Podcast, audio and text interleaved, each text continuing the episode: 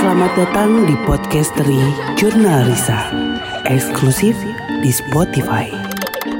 Download Anchor.fm untuk membuat podcast gratis. Assalamualaikum warahmatullahi wabarakatuh. Selamat datang di Podcastery Jurnal Risa. Rasanya kadang bingung ketika akan membuat podcast, cerita mana lagi yang harus saya ceritakan. Tapi barusan, sesaat sebelum membuat podcast ini, saya ingat ada sebuah kejadian yang belum lama ini terjadi. Atau mungkin kalian pernah membaca salah satu story dari istri saya ketika kami akan pergi liburan ke daerah Jawa Timur. Ya, ini pengalaman liburan yang belum lama ini kami alami. Saya Angga, dan ini cerita saya.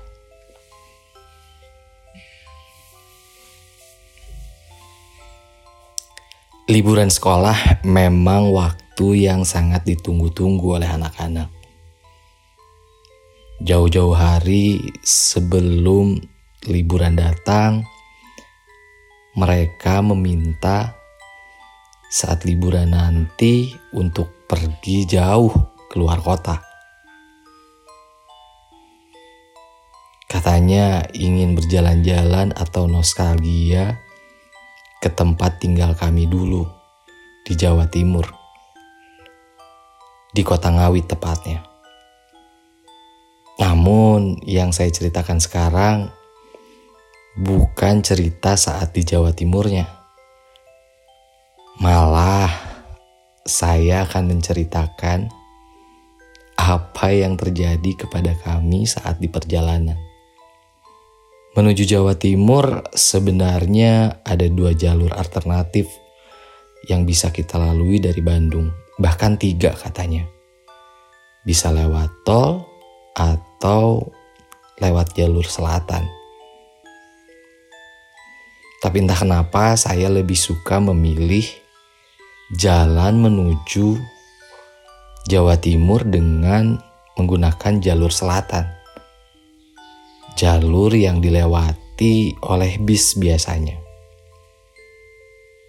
Dari Bandung biasanya akan melewati Garut, Tasik, Ciamis, Banjar, dan seterusnya. Hari liburan pun tiba. Saya yang sudah biasa menggunakan jalur selatan untuk menuju Jawa Timur sudah mantap. Memutuskan pergi melewati jalur selatan. Tinggal menentukan saja mau pergi jam berapa dari rumah. Akhirnya setelah berembuk bersama anak-anak, anak-anak ingin kita pergi pada malam hari. Memulai perjalanan dari Bandung mulai jam 9 malam. Mereka sangat antusias di hari saat di mana kami akan berangkat menuju Jawa Timur.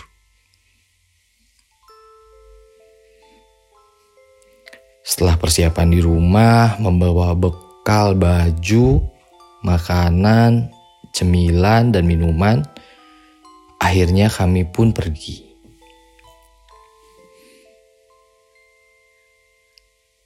Dari Bandung melewati jalur tol Cilenyi, akhirnya kami memutuskan untuk istirahat sebentar sambil makan malam di salah satu tempat makan yang ada di daerah Cipancar.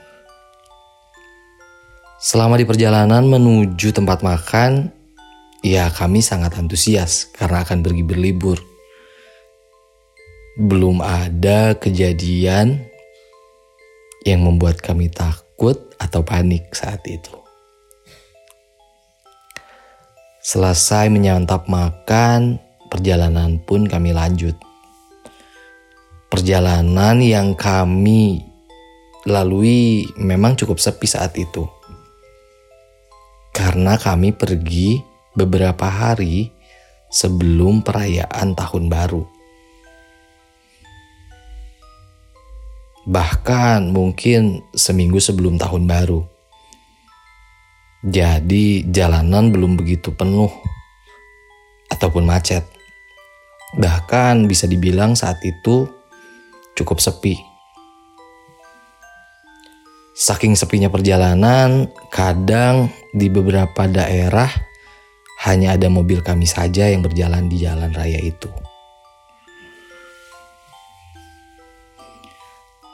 Perjalanan pun kami lanjut di daerah Cipancar setelah Nagreg itu kami lanjutkan perjalanan. Beberapa trek terjal memang harus kami lalui ketika melalui jalur selatan.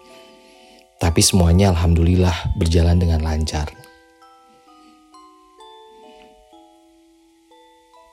Tapi entah kenapa di malam hari itu Suasana di mobil tiba-tiba ingin menceritakan hal-hal mistis.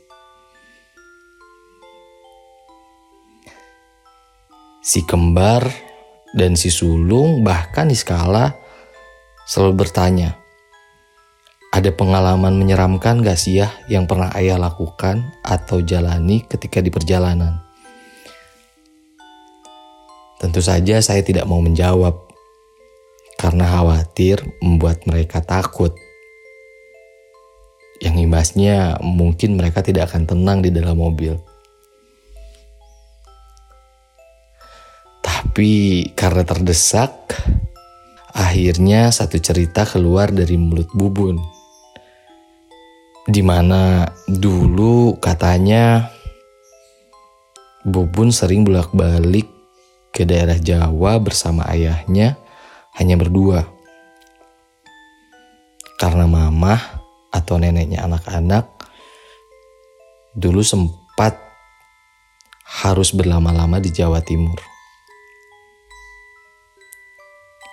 Selama perjalanan katanya pernah merasakan sesuatu atau melihat sesuatu yang sampai saat ini masih belum masuk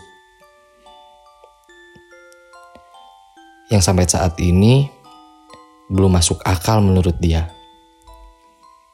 Ketika kami mulai bercerita soal pengalaman menyeramkan itu, perjalanan sudah melalui daerah Banjar, di mana perbatasan Jawa Barat dan Jawa Tengah sedang kami lalui. Di jalan itu memang tidak terlalu ramai. Belum lagi kami melewati area itu sekitar jam dua malam kalau tidak salah.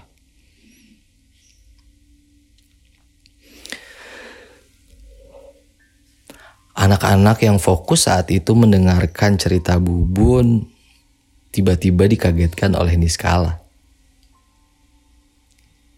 Karena konon Bubun pernah merasakan hal yang aneh itu di tempat atau di jalan yang sedang kami lalui. Waktu itu katanya Bubun melewati jalur itu sama persis saat kami melewati jalan ini. Bedanya saat itu jalanan sedang diguyur hujan. Hujannya tidak begitu deras katanya. Tapi kalau seseorang berjalan ya pasti akan basah. Anehnya, yang saat itu Bubun lihat di jalan yang sedang kami lalui, ada seorang nenek yang sedang berjalan membawa kayu. Iya, sempat melihat nenek-nenek berjalan di jam 2 pagi dalam keadaan hujan. Tapi seingat Bubun, nenek-nenek itu tidak kuyup sama sekali. Saat itu malah nenek-nenek itu sempat menengok dan menyeringai ketika bubun lewat. Tentu saja, ide jahil saya tiba-tiba muncul saat itu. Yang tadinya khawatir anak-anak akan ketakutan, tapi malah tertantang. Karena sepertinya anak-anak antusias sekali mendengarkan cerita Bubun. Waktu itu padahal sudah jam 2 subuh. Namun karena di perjalanan, Niskala sangat menikmati perjalanan hingga akhirnya tidak tertidur. Malah fokus mendengarkan cerita Bubun. Kalian tahu, ide jahil apa yang saya lakukan saat itu? Iya, saya mencoba memanggil perempuan yang sedang diceritakan Bubun itu. Seorang nenek yang pernah Bubun lihat itu masih berada di daerah itu. Ketika akhirnya saya bisa mencari sosok itu, jahil saya semakin tinggi. Akhirnya saya panggil dia untuk mendekat ke area mobil. Iya, Niskala yang saat itu sedang fokus mendengarkan cerita Bubun tiba-tiba berteriak di jalan raya yang memang tidak ada mobil atau motor satupun saat itu. Niskala tiba-tiba berteriak, Bubun, itu yang diceritain. Tiba-tiba terbang di depan bulak balik kiri kanan. Itu yang dikatakan Niskala saat itu. Sontak kata-kata Niskala membuat kakak-kakaknya takut.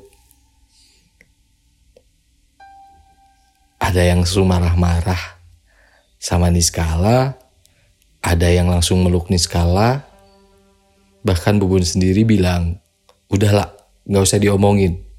Iya, itu yang terjadi pada kami saat di dalam mobil. Mungkin itu pengalaman yang tidak pernah akan anak-anak lupakan. Karena setelah Niskala lihat perempuan itu melayang-layang di depan, Niskala bilang, perempuan itu kayaknya mau nyamperin ke mobil ya bun. Saya masih tertawa saat itu. Karena saya tahu perempuan ini pasti ingin menghampiri kami. Benar saja. Tidak lama setelah Allah bicara seperti itu, kami semua yang ada di dalam mobil mendengar dengan jelas seperti ada batang pohon besar yang menimpa di atas kap mobil. Bruk. Ya, kurang lebih seperti itu. Ada barang atau sosok yang menimpa mobil saat itu. Niskala yang masih cengengesan dan antusias dengan apa yang dia lihat, masih teriak-teriak. Dia bilang, tuh kan bener. Dia diem di atas mobil sekarang ya ya. Saya masih terpingkal-pingkal tertawa. Karena saat itu semua yang ada di dalam mobil cukup panik. Kecuali saya dan Iskala. Perempuan itu masih berada di atap mobil saat itu kalau saya rasakan. Saya sempat bilang lagi, coba kamu bisa apa? Dan luar biasanya sosok itu, sosok itu terus membuktikan eksistensi dia saat itu.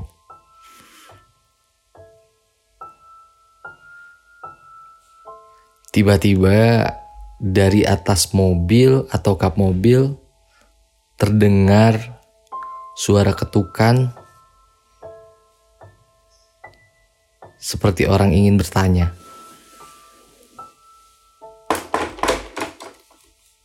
Kurang lebih seperti itu. Semua langsung diam, kecuali Niskala. Niskala anak kecil yang cukup berani menurut saya. Karena saat mendengar itu, dia bukannya takut, malah bilang, Sudah cukup, ayo turun lagi, kita mau jalan lagi, nggak usah ikut ya. Itu yang dikatakan Niskala saat itu. Jelas itu pernyataan yang biasanya saya lakukan, tapi didahului oleh Niskala. Singkat cerita, kami mulai melewati jalan yang cukup gelap itu, hingga akhirnya melewati daerah yang cukup banyak rumah.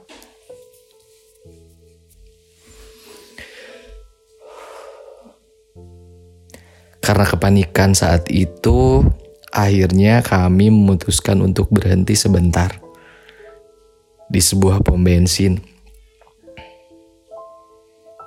Pom bensin yang tidak jauh dari area tadi. Ya, sekedar untuk cuci muka dan buang air kecil. Ketika anak-anak turun menuju toilet, saya duduk di luar memperhatikan mobil. Karena setelah kejadian tadi, saya masih merasa mobil masih terasa berat. Akhirnya saya duduk dan fokus memperhatikan mobil. Dan ternyata perempuan yang tadi ikut di atas mobil ternyata masih berada di atas mobil.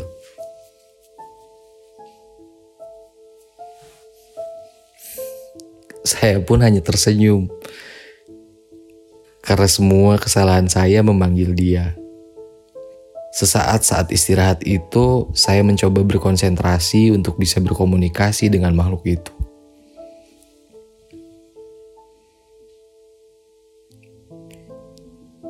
Karena menurut saya makhluk itu cukup mengganggu ketika orang melewati jalur itu. Seorang nenek berpakaian lusuh menggunakan kain. Ya, kurang lebih seperti itu. Saya mencoba berkomunikasi dengan dia. Maksudnya, agar tidak mengganggu lagi kepada pengguna jalan yang lain.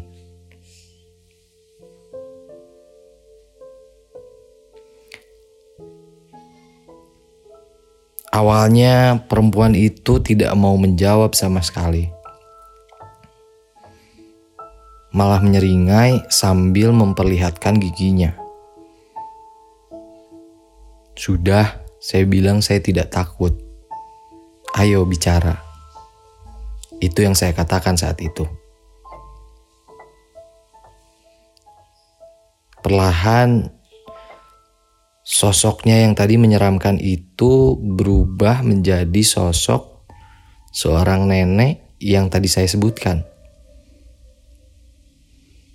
Karena ketika di atas mobil, entah bagaimana bentuknya berubah. Tangannya memanjang, rambut yang cukup panjang, juga badannya sudah seperti laba-laba.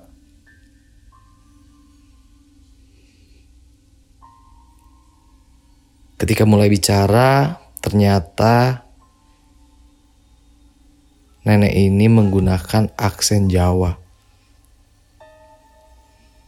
Karena tempat yang sudah saya lewati sudah lewat dari Jawa Barat.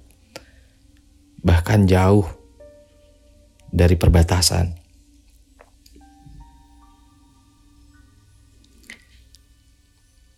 Iya, seperti itu. Saya ingin berbicara, tidak usah menakuti saya. Itu yang saya bilang saat itu.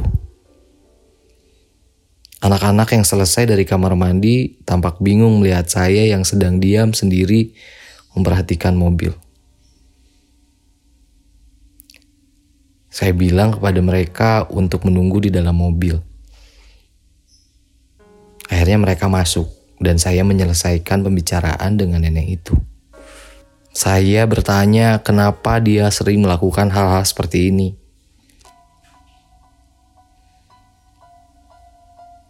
Dia sebenarnya tidak ingin menakuti. Katanya, dia sedang menunggu seseorang di sana. Menunggu anaknya.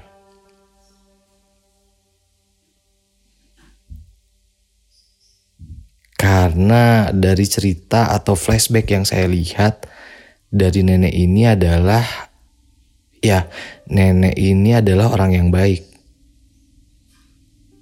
Tapi entah kenapa sosoknya berubah menjadi sesuatu yang menyeramkan.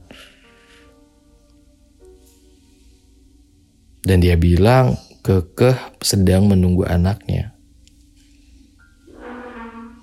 Saat mencari tahu dengan apa yang terjadi pada dirinya, akhirnya saya tahu.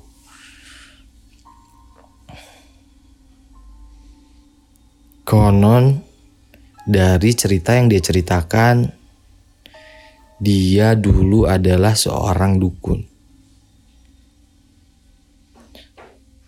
yang bisa berbuat macam-macam. Tapi entah kenapa tiba-tiba menjadi seperti ini. Konon dari ceritanya dulu dia memang sangat jahat. Tapi entah apa yang terjadi membuatnya sadar tiba-tiba. Namun ketika sadar nenek ini diusir oleh warga sekitar. Dan cucunya yang saat itu tinggal bersama nenek itu mencoba menyelamatkannya.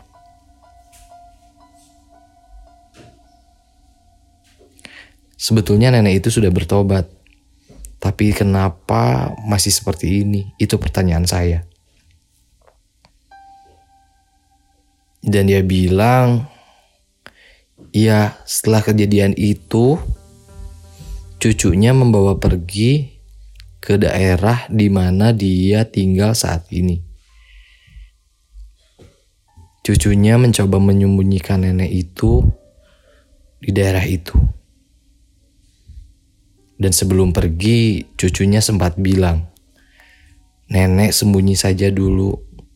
Setelah aman, saya akan jemput lagi. Itu yang diucapkan cucunya saat itu. Hingga akhirnya mungkin si nenek itu mati kelaparan di daerah itu. Karena dulu katanya belum menjadi jalan seperti ini.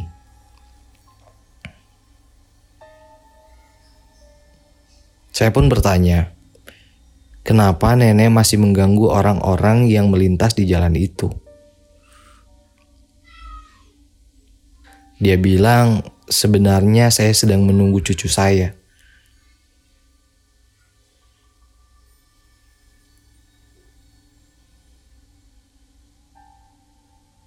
Saya cukup bingung sebenarnya.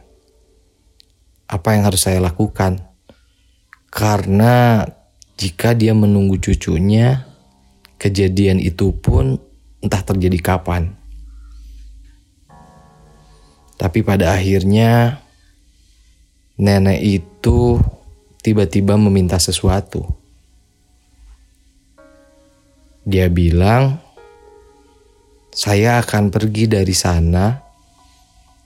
Tolong antarkan saya ke tempat tinggal saya dulu." Saya pun sepakat karena tempat tinggal dari nenek tersebut memang terlintasi jalan. Akhirnya saya pun meneruskan perjalanan. Di perjalanan setelah masuk mobil, mobil masih terasa sangat berat. Karena si nenek tersebut masih berada di atas mobil. Akhirnya perjalanan kami lanjutkan. Beberapa ratus meter dari pom bensin yang sudah kami lalui itu, saya melihat sebuah kampung yang tidak jauh dari jalan raya. Tampaknya itu kampung nenek itu. Itu perasaan yang saya rasakan saat itu. Dan benar saja, di saat saya merasakan itu, di atas mobil kembali terdengar suara ketukan orang. Dan saya pun perlahan mengurangi kecepatan mobil. Tidak lama setelah kejadian itu, mobil pun terasa lebih ringan dari sebelumnya. Dan kalian tahu, setelah kejadian itu, tiba-tiba kami melihat seorang nenek yang tersenyum melambaikan tangan saat itu. Rasanya senang bisa menemani atau mengantar si nenek itu kembali ke kampung halamannya.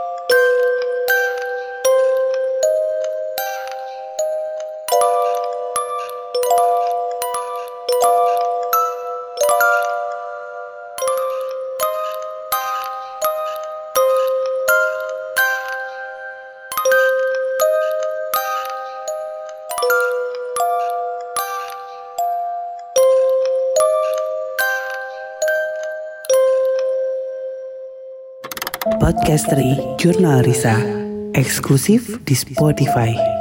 Download Anchor.fm untuk membuat podcast gratis.